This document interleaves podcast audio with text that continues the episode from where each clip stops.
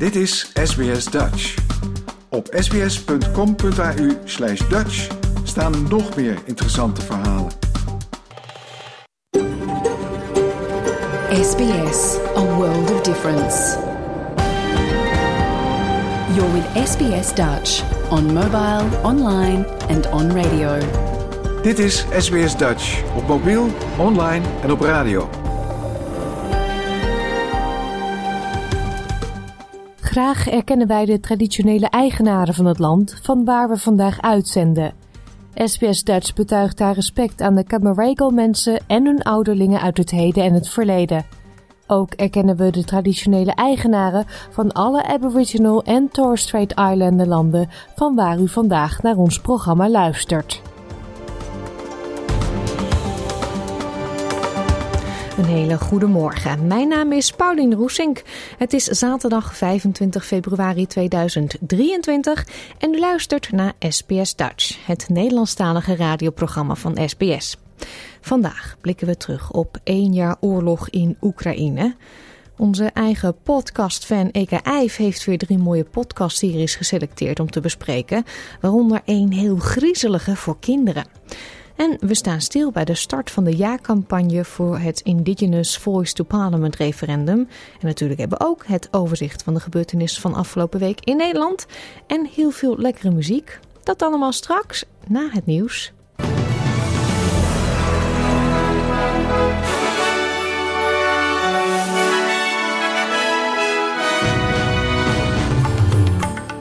Dit zijn de headlines van het SBS Dutch nieuwsbulletin van zaterdag 25 februari.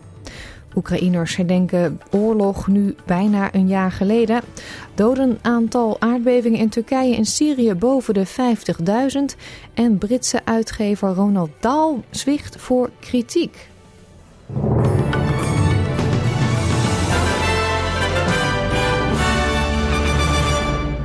Over de hele wereld zijn mensen samengekomen in solidariteit met Oekraïne. Gisteren was het een jaar geleden dat Rusland het land binnenviel. Er waren demonstraties voor vrede in grote steden, waaronder New York, Londen en Berlijn. In Sydney was het Opera House geel en blauw verlicht. In Oekraïne zelf staan mensen stil bij diegenen die zijn omgekomen in het conflict. In de stad Lviv woonden mensen onder wie Oksana Chaban een begrafenisceremonie bij voor gesneuvelde militairen. Ja, I have great faith, and I'm sure that this year will be victorious. Because how many more losses can there be? I want there to be less. I want there to be less pain, that mothers don't have to suffer so much. I don't know how a mother's heart can take it all. De Oekraïense president Volodymyr Zelensky heeft Australië bedankt voor zijn steun in zijn gewapend conflict met Rusland. Australië leverde het land onder meer tientallen gepantserde Bushmaster-voertuigen. Tegen SBS Nieuws vertelde hij dat hij graag zou zien dat Australië zijn ambassade in Kiev heropent, net zoals andere landen hebben gedaan. We've got it, and that is great. That's why to shake hand the ambassador of, of Australia, I, I, I'll, I'll do it with pleasure. Please come. Come back. But on Bushmeister. We need one more. De bondgenoten van Oekraïne hebben verdere sancties tegen Rusland aangekondigd.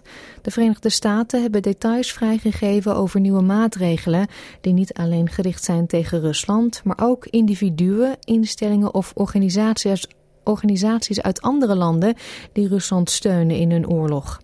Verder werd een nieuw pakket veiligheidssteun van 2 miljard dollar aangekondigd, dat volgens het Witte Huis de luchtverdediging van Oekraïne zal versterken en zijn burgers zal helpen. Ook het Verenigd Koninkrijk en Canada voeren hun sancties tegen Rusland verder op. Leiders van de G7-landen hebben een verklaring afgegeven waarin ze beloven de sancties tegen diegenen die Rusland steunen voortdurend aan te scherpen. Tijdens de algemene vergadering van de Verenigde Naties is een moment stilte gehouden ter ere van de slachtoffers van de oorlog in Oekraïne. Een dag eerder nam de VN een niet bindend resolutie aan waarin de Russische invasie wordt veroordeeld. Secretaris-generaal van de Verenigde Naties, Antonio Guterres, stond tijdens een speciale bijeenkomst stil bij de oorlog en riep op tot beëindiging van het conflict. Over the past year, this council has held more than 40 debates on Ukraine. The Ghanaians are talking now, but in the end, we know, we all know, that the path of diplomacy and accountability is the road to a just and sustainable peace. Peace in line with UN Charter, international law, and yesterday's resolution of the General Assembly. We must prevent further escalation. Het dodental na de aardbevingen in het grensgebied van Turkije en Syrië is opgelopen tot boven de 50.000. In Turkije vielen meer dan 44.000 slachtoffers, terwijl bijna 6.000 mensen zijn omgekomen in Syrië. Door het natuurgeweld zijn meer dan 160.000 gebouwen ingestort of zwaar beschadigd. De Turkse regering heeft toegezegd de huizen binnen een jaar weer op te bouwen. Maar volgens deze vrijwillige, vrijwillige redder is het tekort aan tenten om mensen te huisvesten op dit moment het grootste probleem. Because on the day of the first earthquake, people were left in the rain and they packed into cars and they had to stay all together with elderly people, sick people, and children. That is still the biggest problem. We need to get access to tents because we hear that paralyzed people lay cardboard on the ground, put things like clothes and blankets on it, and they're fighting for survival there. Nieuw onderzoek suggereert dat buitensporige bedrijfswinsten de belangrijkste reden zijn voor de stijgende inflatie in Australië.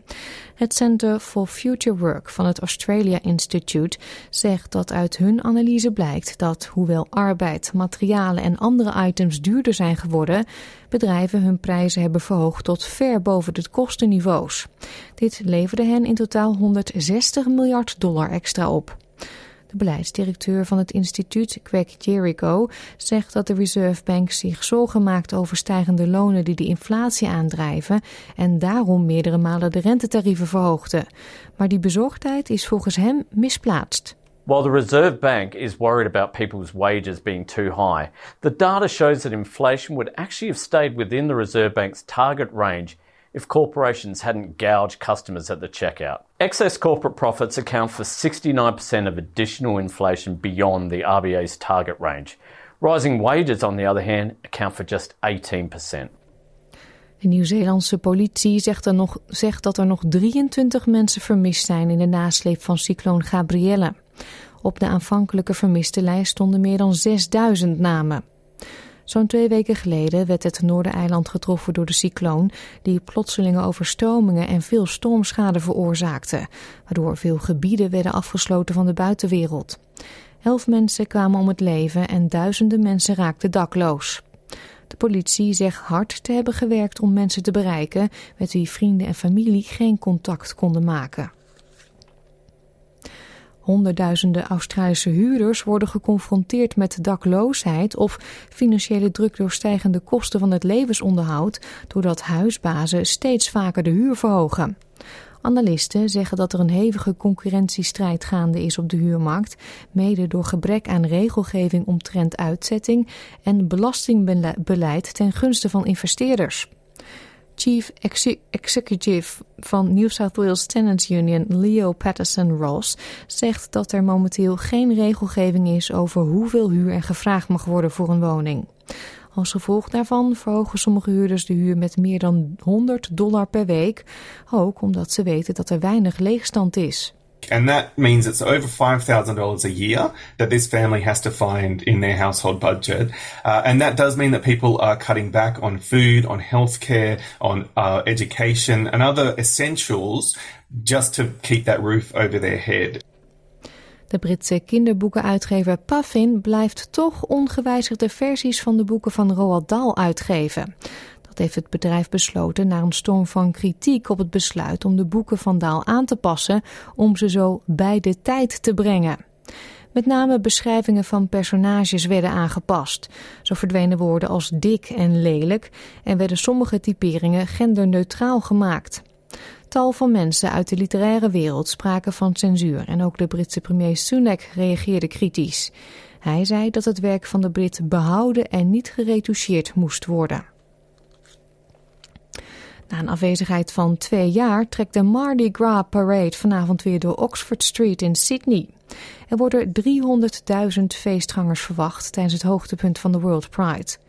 Meer dan 200 praalwagens en 12.500 deelnemers zullen zich, omringd door regenboogkleuren en veel glitter, al dansend door de straat voortbewegen om queer identiteit, community en gelijkheid te vieren. Dit jaar is het 45 jaar geleden dat in Sydney de eerste Mardi Gras Parade plaatsvond. De Sydney Gay and Lesbian Mardi Gras Parade begint vanavond om 6 uur Australian Eastern Daylight Time. De wisselkoers dan. Voor 1 Australische dollar krijgt u 64 cent, eurocent en 1 euro is op dit moment 1,57 dollar waard.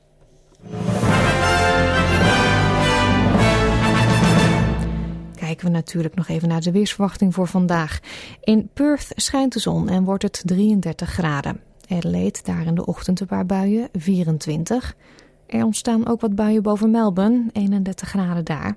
Hobart, ook daar zullen buien overtrekken en 31 graden. Het is zonnig in Canberra, 28. Wollongong overwegend zonnig, 25. Ook in Sydney en Newcastle veel al zonneschijn bij 27 graden. In Brisbane vallen een paar buien, maar daar klaart het later op, 28 graden. Cairns buien 30. Darwin regen en kans op onweer 29. En Alice Springs tot slot, daar is het gedeeltelijk bewolkt bij een maximumtemperatuur van 36 graden. Dit was het SBS Dutch Nieuws.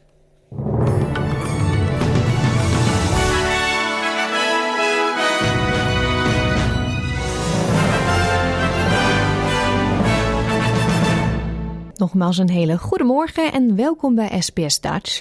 Straks bespreekt podcastfan Eka Eif onder meer de Nederlandstalige podcastserie Ervaring voor Beginners. Maar eerst het referendum over de Indigenous Voice to Parliament. Dit is SBS Dutch. Voorstanders van de Indigenous Voice verzamelden zich deze week voor de officiële lancering van de Ja-campagne. Volgens hen zal Australië door ja te stemmen een grotere natie worden. Dit is SBS Radio Dutch. Het referendum over de Indigenous Voice to Parliament zal later dit jaar worden gehouden. Een bijzonder moment voor Australië. Een groep die tegen het initiatief is, lanceerde in januari al een nee-campagne. Gesteund door christelijke groeperingen en conservatieve parlementsleden zoals Warren Mundine. Het wil een parlementaire commissie waarbij alle partijen betrokken zijn, die zich zal concentreren op de rechten van native rechthebbenden, in plaats van dat zaken door middel van een referendum worden beslist. Voorstanders van het referendum hebben nu hun officiële campagne gelanceerd bij het Tandanya National Aboriginal Cultural Institute in Adelaide. Phil Sanders, CEO van Tandanya, is de ceremoniemeester. This is a moment in history to be embraced by all Australians. Collectively, let's change the nation's birth certificate to make Australia a greater nation. Dean Parkin is de directeur van de Yes Campaign Alliance. So we've had uh, community networks, alliances, organisations and individuals from across the country, all supporters of a successful yes vote on a voice to parliament. Come together here in Adelaide to hear about what people are doing around the country, um, getting clear on what the strategy is, and really getting them ready to go out and campaign in the communities that they come from. Premier Anthony Albanese was niet aanwezig bij de lancering, maar hij staat in aanloop naar het referendum op scherp en beschuldigde oppositieleider Peter Dutton ervan verwarring te zaaien over de Indigenous Voice.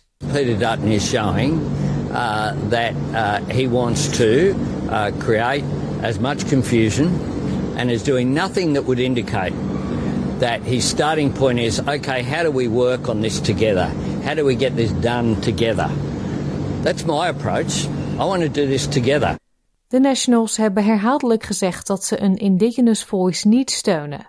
Hoewel ze achter het principe van het idee staat, zegt de partij dat het niet gelooft dat het de levens van Indigenous gemeenschappen zal verbeteren. U hoort Nationals-leider David Littleproud. The lived experience we have in representing rural and remote areas where the disadvantage is, is we believe another layer of bureaucracy won't actually close the gap. If the question had been put to us, uh, do we believe that there should be constitutional recognition in the preamble, that Indigenous Australians were here first and we're better together, then I sense my party room would support that. De liberalen moeten hun officiële standpunt nog bevestigen, maar Pieter Dutton heeft herhaaldelijk om meer details gevraagd over hoe een Indigenous Voice eruit zal zien. Premier Albanese zegt dat de details die ze willen al lang beschikbaar zijn. En Dean Parkin is het daarmee eens. The government has established a process. It's brought in some constitutional experts.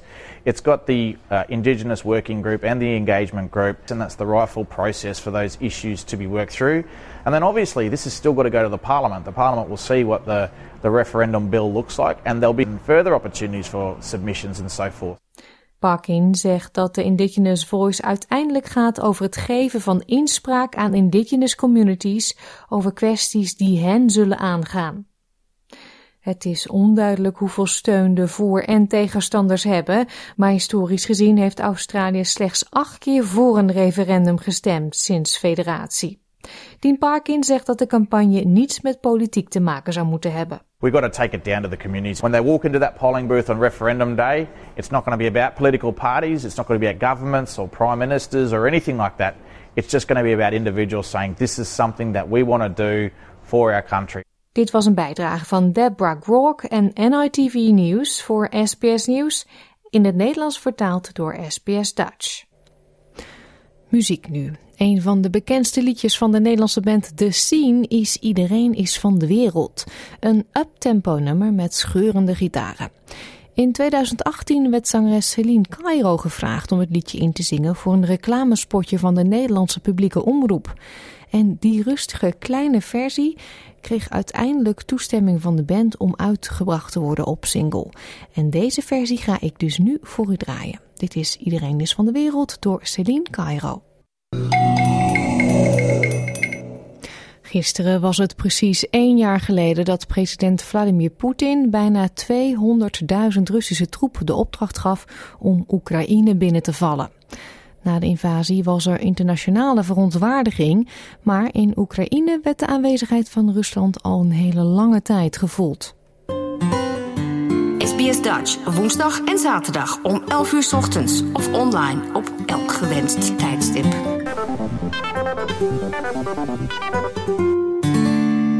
Een jaar geleden verklaarde de Russische president Vladimir Poetin dat er een speciale militaire operatie in Oekraïne zou beginnen.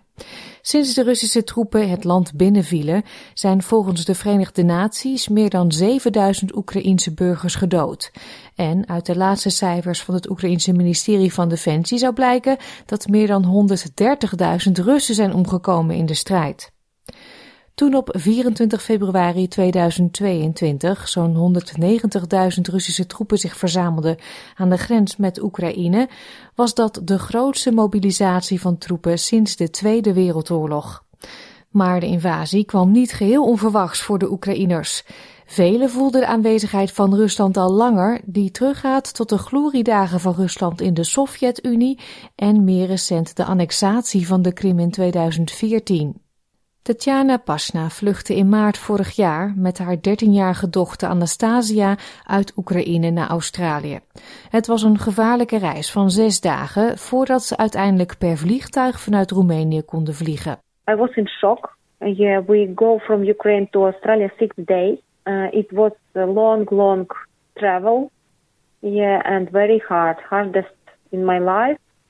Yes, very scary. In Ukraine was winter, minus 10, snow everywhere. It's evacuation bus to border to Romania. I was alone with my child. With yes, I cry all this way, every minute cry, and I never cry so so much, so many time. Ze zegt dat ze al maanden zenuwachtig de invasie zag aankomen. I remember it was terrible time too. Maybe one two months before war people people know a lot of information from um, different countries um, news. Uh, for example my sister lives in australia and she called me one month before war in january and she cry and say war will come. Please uh, take your child take all family and go from ukraine please De geschiedenis leert dat Rusland al heel lang Oekraïne wilde inlijven. Die aspiraties gaan terug tot het Sovjet-tijdperk en het Russische imperialisme in het begin van de 20e eeuw. Een van de belangrijkste ervaringen van onderdrukking in Oekraïne was de Holodomor, oftewel de hongersnood in de jaren 30. Daarbij stierven naar schatting 4 tot 8 miljoen mensen. De door mensen veroorzaakte hongersnood, die vorig jaar door het Europees Parlement nog erkend werd als genocide, richtte zich op boeren die tegen de collectieve landbouw van Stalin waren. Op deze manier probeerde Stalin de Oekraïense intellectuelen en ambtenaren te verjagen. De door Rusland bezette Krim in het zuiden van Oekraïne heeft ook zijn eigen geschiedenis van genocide op de Krim-Tataren en meer recentelijk de annexatie van de regio in 2014. Dr. Olga Bojczak is docent digitale studies aan de Universiteit van Sydney.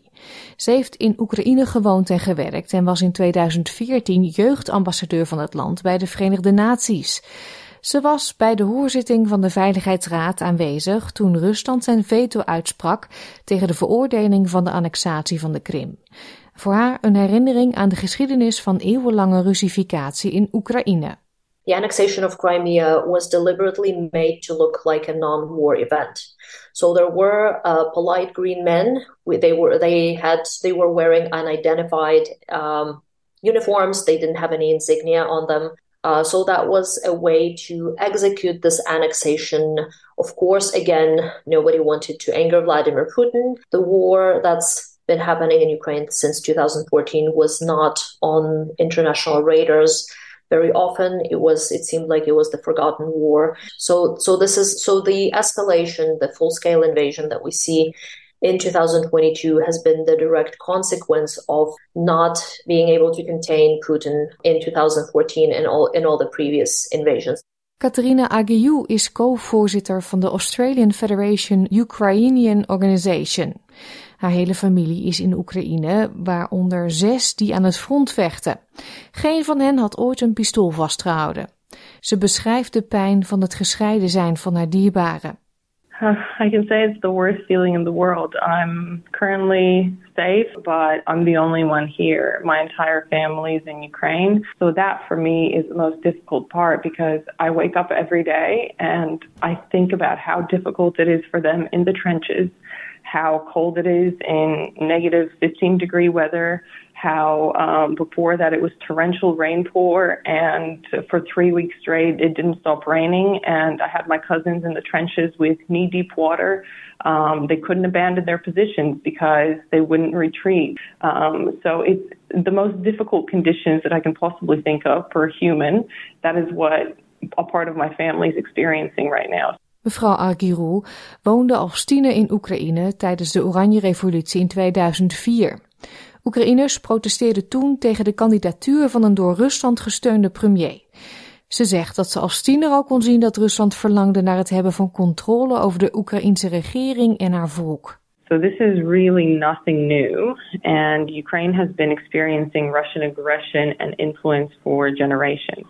Um, when I was living in Ukraine and, and going through the Orange Revolution, it was very clear to see that there was always this um, overarching hand and sphere of influence coming from Russia. Russia would never accept uh, Ukraine even looking in the direction, never mind moving in the direction of, of the West or Western ideals or values or wanting to have democracy or freedom. Dr. Boychak zegt dat Oekraïners in feite al sinds 2014 deelnemen aan burgerbetrokkenheid en vrijwilligerswerk in de oorlog. This is something that has surprised uh, the world. It seems to have surprised the world how resilient Ukrainians were in the face of this full scale invasion.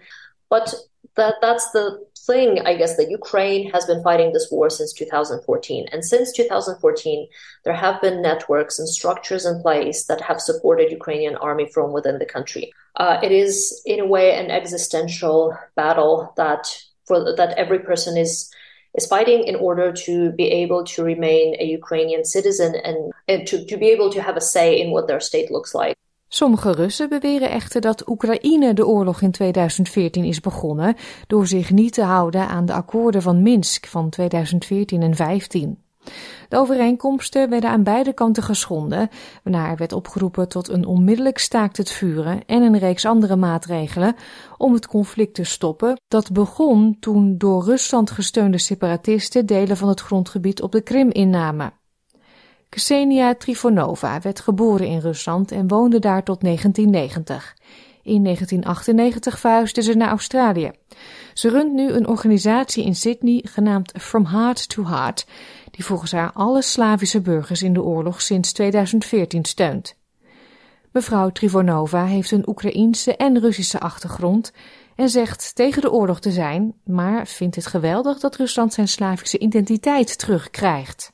This war it's broke our heart and Russia never started the war. The Russia tried to stop the war by agreement in the Minsk. This is our history roots, our history memory. Ukraine, all cities, it was Russians, even Crimea as well. It was Russian territory before. We want to be uh, together with our Slavic brothers, Er zijn ook Russen die zich verzetten tegen de beweegredenen van Vladimir Poetin. In een voor de autoritaire staat zeldzame beweging kwamen veel Russen samen om te protesteren tegen de gedeeltelijke mobilisatie van burgers in het leger door president Poetin in september vorig jaar. De autoriteiten maakten snel een einde aan de protesten door demonstranten vast te houden. Een anti-oorlogsbeweging genaamd Svoboda Alliantie heeft zich ook ontwikkeld in Australië. Zo legt Macquarie University's Research Partnership Manager Galina Seredina uit. We are not speaking on our behalf only, but we are also speaking on millions of Russians all over the world who might be afraid to speak. So many people in Australia, of course, you know, that, well, you take it for granted that you have an opportunity to speak, right?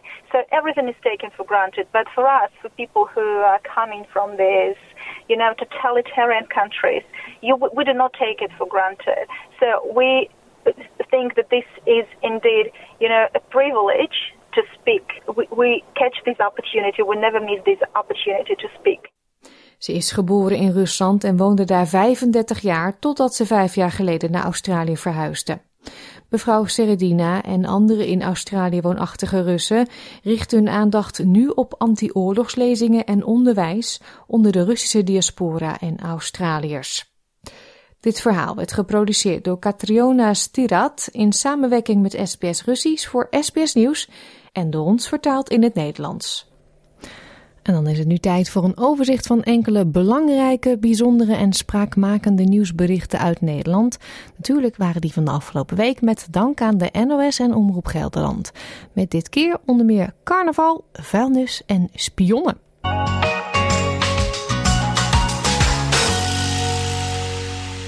Afgelopen week werd op veel plekken in Nederland weer goed carnaval gevierd.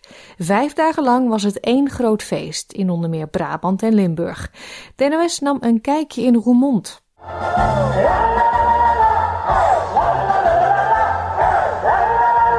Te gek hè? Welkom in Limburg. Carnaval is uh, broederschap, gezelschap en het samen zijn. Echt gewoon één zijn met elkaar. Dat is gewoon zo belangrijk. Even lekker alles kunnen loslaten, alle problemen, al het gedoe. Bij elkaar zijn en gewoon het leven een beetje vieren. Nadat we het jaar eigenlijk, ja, twee jaren niet hebben kunnen vieren door corona. Dus. Ook in het Gelderse Zaltbommel werd volop carnaval gevierd. Voor deze speciale gelegenheid begon de mis in de Sint-Martinuskerk daar zondagmorgen om 11 over 11. De kerk zat helemaal vol en vrijwel alle kerkgangers verschenen in carnavalskostuum, zo zag Omroep Gelderland. Ja, hoort er ook bij. S'avonds feesten, maar ochtends ook naar de kerk. Ja, die is dadelijk, uh, zul je zien, is die 100% gevuld. Dus dat is, uh, dat is hartstikke mooi om dat te zien.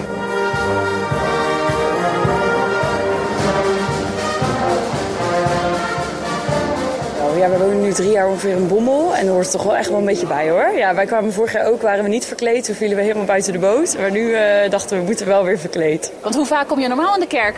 Wil je een eerlijk antwoord? Niet? Ja.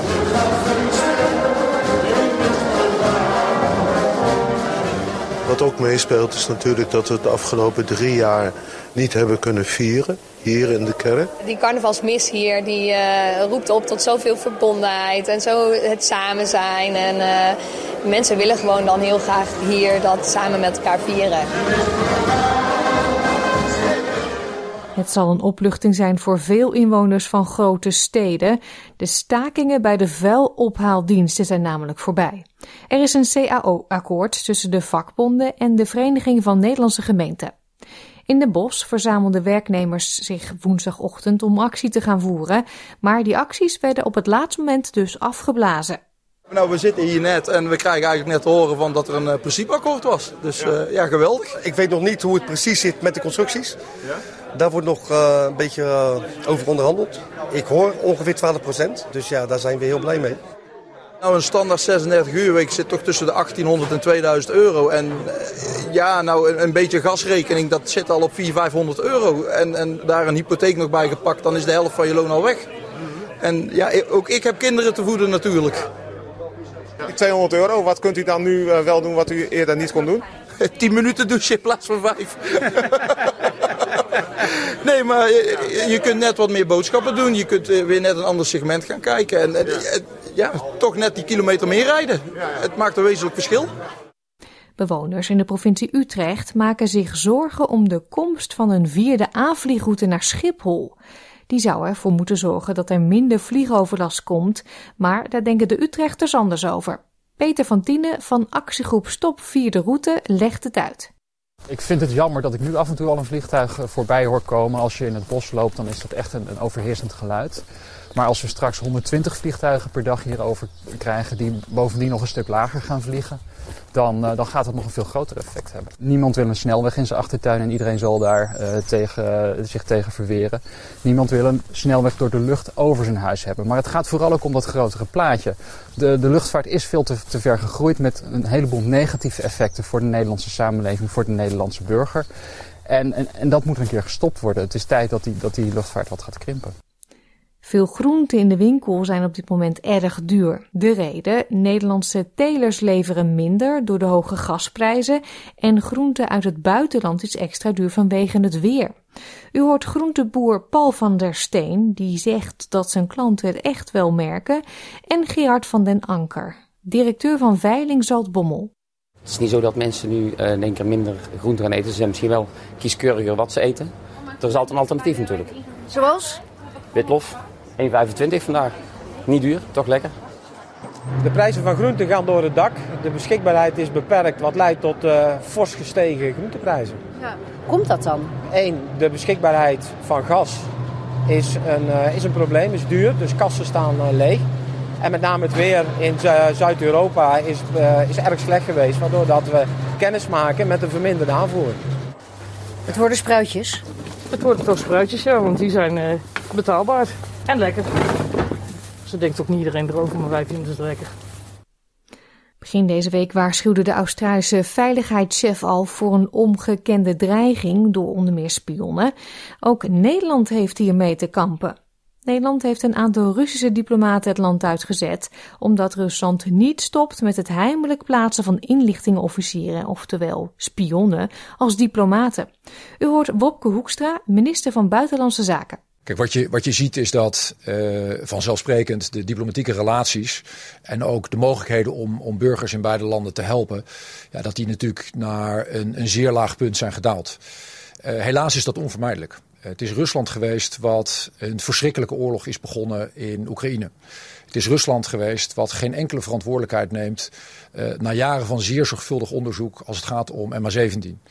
En het is opnieuw Rusland dat ervoor kiest om na het verwijderen van 17 spionnen uh, toch door te gaan met het iedere keer onder diplomatieke dekmantel uh, hier naartoe sturen van spionnen. En tot zover het weekoverzicht van deze week met dank aan de NOS en Omroep Gelderland.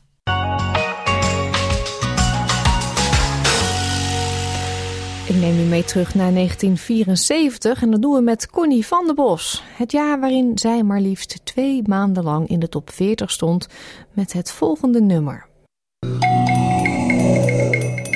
Iedere maand praten we bij SBS Dutch over mooie, bijzondere of populaire Nederlandstalige podcasts. We doen dit omdat het luisteren naar podcasts een leuke, ontspannen manier is om de Nederlandse taal te onderhouden. Eke Eif woont in de buurt van Brisbane en is groots fan van het fenomeen podcasts. Dit keer bespreken we met haar drie series die volgens haar echt de moeite waard zijn om te luisteren. Het gaat om ervaring voor beginners, niet geschikt voor kinderen en de vermiste van 53. Jouw gemeenschap, jouw gesprek. SBS Dutch. Van de drie podcasts die we nu gaan bespreken, Eka, welke is eigenlijk jouw favoriet? Ik denk de eerste, Ervaring voor Beginners. Omdat het een podcast is waar ik heel makkelijk kan uitkiezen van waar heb ik vandaag zin in, naar wie wil ik luisteren. En ook omdat het een podcast is die ik makkelijk kan luisteren als ik aan het eten koken ben, als ik in de keuken bezig ben. Uh, en het maakt niet uit of ik een paar zinnen mis of niet. En daarom vind ik het het makkelijkste om naar te luisteren. En dat is denk ik deze week mijn favoriet. Dat is dus ervaring voor beginners. Laten we daar dan mee beginnen ook. Wat voor een podcast is het? Het is een uh, comedy train podcastserie waarin Theo Maasen door middel van uh, een eierwekker precies 60 minuten praat met makers over de kunst van het maken. De meeste interviews zijn met uh, comedians, theatermakers, zangers, kunstenaars. Maar er zijn ook een paar verrassende gasten uit andere hoeken. En Theo is op zoek naar de fijne kneepjes van het vak. Naar de ervaring van zijn gasten. Hoe zij iets maken, hoe liedjes tot stand komen. Of een cabaret, of hoe ze een script schrijven. Waar begin je? Uh, hoe komt het idee tot stand? Hoe voer je het uit? En omdat Theo precies weet wat het is om te maken, kan hij heel goed vragen stellen. En, ja, want Theo um, is zelf een cabaretier, hè? dus die heeft dezelfde ervaring. Theo is zelf een cabaretier en daarom kan hij zich heel goed verbinden met zijn gasten. En vind ik ook dat het eigenlijk geen interviews zijn, maar het is meer een soort dialoog. Hij vertelt een beetje, zijn gast vertelt een beetje. En dat vind ik erg leuk aan deze gesprekken. Dat het niet is van, oké, het zijn vragen en antwoorden, maar gaandeweg kom je heel veel te weten van de mensen zelf over wat ze doen, maar ook over zichzelf en hoe ze naar hun vak kijken. En uh, ja, ik vind het erg leuk om naar te luisteren. Ja, en ze maken dit toch wel met in hun achterhoofd mensen die misschien willen beginnen in de culturele sector, die artiest willen worden of die cabaretier willen worden. Maar ja, jij en ik kunnen ook prima luisteren, want je krijgt een inkijkje in hoe zij dat hele proces afgaan, zeg maar, hoe zij iets creëren. Ja, je krijgt echt een inkijkje in het creatieve proces. En het leuke is dat voor verschillende mensen dat heel verschillend werkt dat de een moet echt gaan zitten en zich heel erg voorbereiden. En een ander die krijgt ingevingen. En een ander die schrijft kleine dingetjes op terwijl ze gewoon hun leven hebben. Dus dat is heel leuk om, uh, om die verschillende processen uh, te beleven en te ervaren en te zien hoe dat werkt. En um, ja, Theo is begonnen met deze podcast toen de lockdown was in 2020 en theatermakers dus niet het toneel op konden. En uh, hij heeft inmiddels heeft hij 75 afleveringen gemaakt. En er komt bijna elke week nog een nieuwe aflevering. Dus je kan enorm kiezen uit namen die er zijn. Uh, mensen die je misschien kent, mensen die je wilt leren kennen. En omdat ik al twintig jaar uit Nederland weg ben, de mensen van nu ken ik eigenlijk helemaal niet meer. Maar er zijn ook nog mensen die ik wel ken. En uh, ik heb bijvoorbeeld geluisterd naar Paulien Cornelissen. Hanneke Groenteman, Sonja Barend, Jan Kremer. En ik heb ontzettend genoten van Maarten Spanjer en Herman Vinkers. En ik dacht toen ik dat lijstje zag van ik ga naar Jochem Meijer luisteren. Dat is dan toch een verschilletje qua generatie ook, stiekem. En uh, hoe lang we weg zijn uit Nederland inderdaad.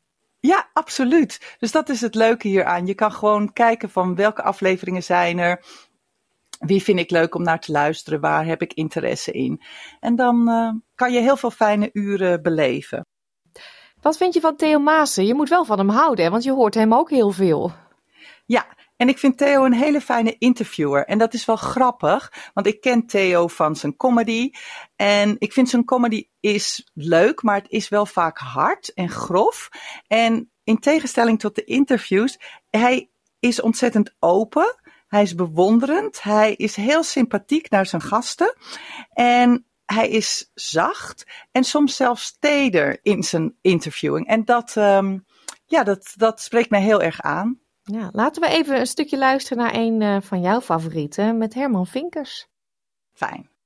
Um, ja, ik zei ook een keer, de leukste grappen zijn de grappen die niet zijn bedacht, maar bedenk die maar eens. Ja, ja. Dat, dat is het een beetje. Dus je, En wat ik dan steeds deed, maar kun je alleen pas achteraf zeggen dat je iets dom zegt of iets wat niet klopt. En zogenaamd zelf niet weet dat het dom is. Ja. totdat de zaal lacht en dan kijk je de zaal in. En dan, dan denk ik, oh ja, ja, ja, zo kun je het ook bekijken. Zo. Ja, ja, precies. Maar dat, dat speel je. Ja, maar dat is zo ontstaan. Dat was niet, denk ik, oh, ik, ga, ik ga dat zo, uh, zo doen. Maar dat komt ook wel. Uh, ik heb altijd wel gehad. Gaandeweg werd er wel steeds minder. Maar dan bedenk ik iets. Um, en dan blijkt dat mensen moeten lachen om dingen. die ik zelf helemaal niet als grappig uh, heb ervaren. Heel veel mensen kennen Herman natuurlijk wel. Uh, hij is heel rustig, hè? Een hele kalme man eigenlijk. Ja, ik vind hem heel onderkoeld. En ook uh, zijn humor is heel droog. Maar ik vind zijn grip van de Nederlandse taal en hoe hij met taal kan spelen, vind ik echt ontzettend leuk en heel erg humoristisch. Gaan we door met het tweede. Dat is niet geschikt voor kleine kinderen. En dat zeg ik niet als waarschuwing, maar dat is de naam van de podcast, hè? De podcast is niet geschikt voor kinderen. En het is een griezelpodcast voor kinderen van 8 tot 12 jaar. Maar ook heel erg leuk voor volwassenen. Het zijn korte afleveringen, ongeveer van 10 minuten. Het zijn korte verhaaltjes, geschreven door veelbelovende jonge schrijvers. En ze worden begeleid door de podcastmaker Wijken van Koolwijk. De muziek is al om van te griezelen. En de stem van Pim Bastiaan, die maakt helemaal dat je haren meteen overeind gaan staan. Dus je verwacht, oh, daar gaat iets engs gebeuren. Um, niet geschikt voor kinderen is juist wel geschikt voor kinderen, maar alleen voor kinderen die niet bang zijn voor iets engs. Honden die hun baasjes langzaam leegzuigen, mysterieus gehuil uit de lerarenkamer of kinderen die plotseling verdwijnen in de woestijn. Nou, als dat klinkt om te griezelen, dan moet je hier naar luisteren. Er zijn afleveringen die heten Het Kerstbal, Kwijt, Hondsmoe, Supermarkt, Ouderavond. Maar mijn favoriet is Appelboompje. Over een klein jongetje die woont in een klein dorpje in de woestijn. En alles is grijs. En het enige wat er groeit zijn appelboompjes. En verder moet je er maar naar luisteren, want dan kan ik er niet te veel over verklappen. Nee, ik heb hem ook geluisterd. Ik denk dat het nog beter is om even de trailer te laten luisteren. Want alleen daar gaan de haren al van overeind staan, denk ik. Komt-ie. Wat? Wat doen jullie hier? Nee, nee, deze verhalen zijn niet geschikt voor kinderen. Nee, die mag je niet horen. Zijn alleen... Nee, is te eng. Door... Nee, zoals ik zeg, doorlopen. Doorlopen. Links, niet... Je blijft staan? Je wil het echt horen? Echt waar? Oh. Niet bij mij komen zeuren daarna, ja? Ik kan niet slapen. Nee? Oké, nou ja, eigen schuld. Ik vertel de verhalen, maar ik wil geen gezeur. Ik heb een paar verhalen voor je. Luister maar. Nou, ik ben benieuwd eh, hoeveel kinderen dit gaan durven. Laat het ons weten. Ja, dat zou leuk zijn. De laatste, de derde. Welke heb je uitgekozen, Eka? Als laatste vond ik dat we deze maand niet omheen konden om aandacht te besteden aan de podcast Vermiste van 53. Veel luisteraars zullen het misschien al hebben horen voorbij komen of gezien. Een SBS Dutch heeft er aan het begin van de maand al aandacht aan besteed. Want op 1 februari was het 70 jaar geleden dat in Zuidwest-Nederland de dijken doorbraken. En de Vermiste van 53 besteedt niet per se aandacht aan de ramp zelf, maar het gaat meer over de 105 vermiste mensen die nog steeds 70 jaar na de ramp vermist zijn en wat dat tot gevolgen heeft voor de nabestaanden. Ja, wist jij dit soort dingen eigenlijk al over de ramp? Eh, voor mij was het allemaal nieuw dat er nog ruim 100 mensen eigenlijk nooit teruggevonden zijn. Ja, ik denk ook niet dat ik dat wist. Ik wist natuurlijk wel wat er gebeurd was en uh, dat het ernstig was en dat er veel dieren omgekomen zijn. Maar... Ja, ja, maar ja, weet je, je kan het natuurlijk wel voorstellen dat er zoveel water kwam dat mensen die verdronken, dat ze niet echt goed teruggevonden konden worden. Misschien naar zee uitgespoeld zijn of onder zand zijn terechtgekomen. Of dus je kan het je wel voorstellen dat dat, dat, dat gebeurt. Hmm. Dus De Vermiste van 53 is een vijfdelige podcast van de Zeeuwse Courant en het Algemeen Dagblad. Waarin verslaggevers Noortje de Kroo en Rolf Bosboom een jaar lang het spoor volgen van vermiste personen, maar vooral van hun nabestaanden. De afleveringen zijn niet al te lang, ze zijn zo rond de 20 minuten. Maar ze behandelen allemaal één aspect van de vermiste personen. In de eerste aflevering maken we kennis met Jan van den Hamer uit Ouwerkerk. En Ouwerkerk was het dorp wat het zwaarste getroffen werd in 1953. Jan was acht jaar toen en hij vertelt hoe hij de rampnacht beleefde en hoe zijn oma Pauw zijn hele gezin zag verdrinken. En dat zijn vader twee zussen verloor. En Jan was best nog wel jong, dus hij weet niet echt al te veel te vertellen, maar hij zegt: ga naar Riet, mijn nicht Riet. Zij weet misschien meer, maar zij heeft haar hele leven nog nooit erover verteld, zelfs niet aan haar kinderen. Maar Noortje en Rolf die gaan naar haar toe en ze wil het hele verhaal vertellen, vooral over wat er na de ramp gebeurde. Dat Ehm, dat er ontzettend gezocht werd naar mensen. En dat mensen die familieleden vermist hadden, iedere keer gebeld werden of verteld werden: ja, er is weer iemand gevonden, dus kom kijken. En dan moesten ze identificeren. En dan soms was het: ja, ik ken iemand, maar heel vaak was het ook van: nee, het is nog steeds niet de persoon die wij missen. En dat heeft gewoon heel veel trauma opgeleverd bij uh, veel mensen. Ja, en wat ik indrukwekkend vond, ik heb die podcastserie echt in één ruk achter elkaar boem, boem, boem uh, afgeluisterd. Ik vond het zo interessant en ook indrukwekkend. Want die mensen die inderdaad heel klein waren, kunnen zich toch nog hele nare dingen herinneren. Dat heeft toch heel veel indruk gemaakt. Maar dat ze dan over de begraafplaats lopen. En dat daar dus grafstenen staan van mensen die zijn overleden, maar ook met namen van mensen, maar waar dan op staat geboortedatum en daaronder vermist. Dus ze hebben wel een mooi plekje gekregen, maar daar ligt niet een lichaam.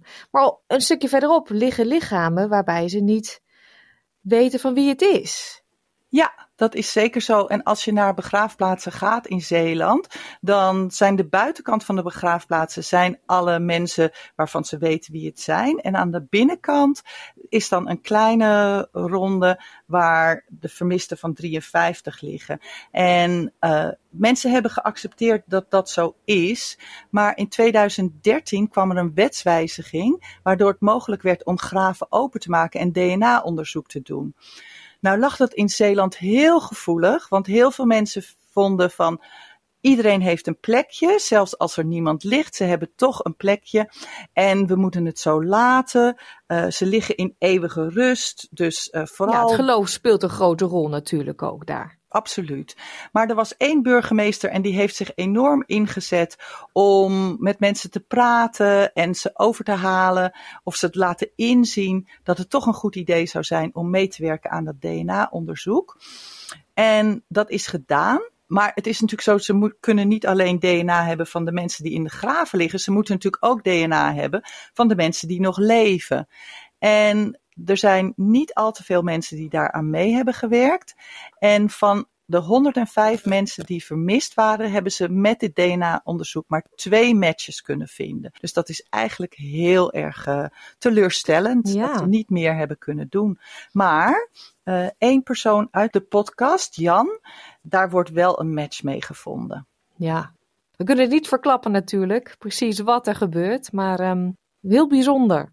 Ja, absoluut. Een mooie podcast om mee af te sluiten, Eka. Want ja, wat je al zei, begin van de maand was het 70 jaar geleden.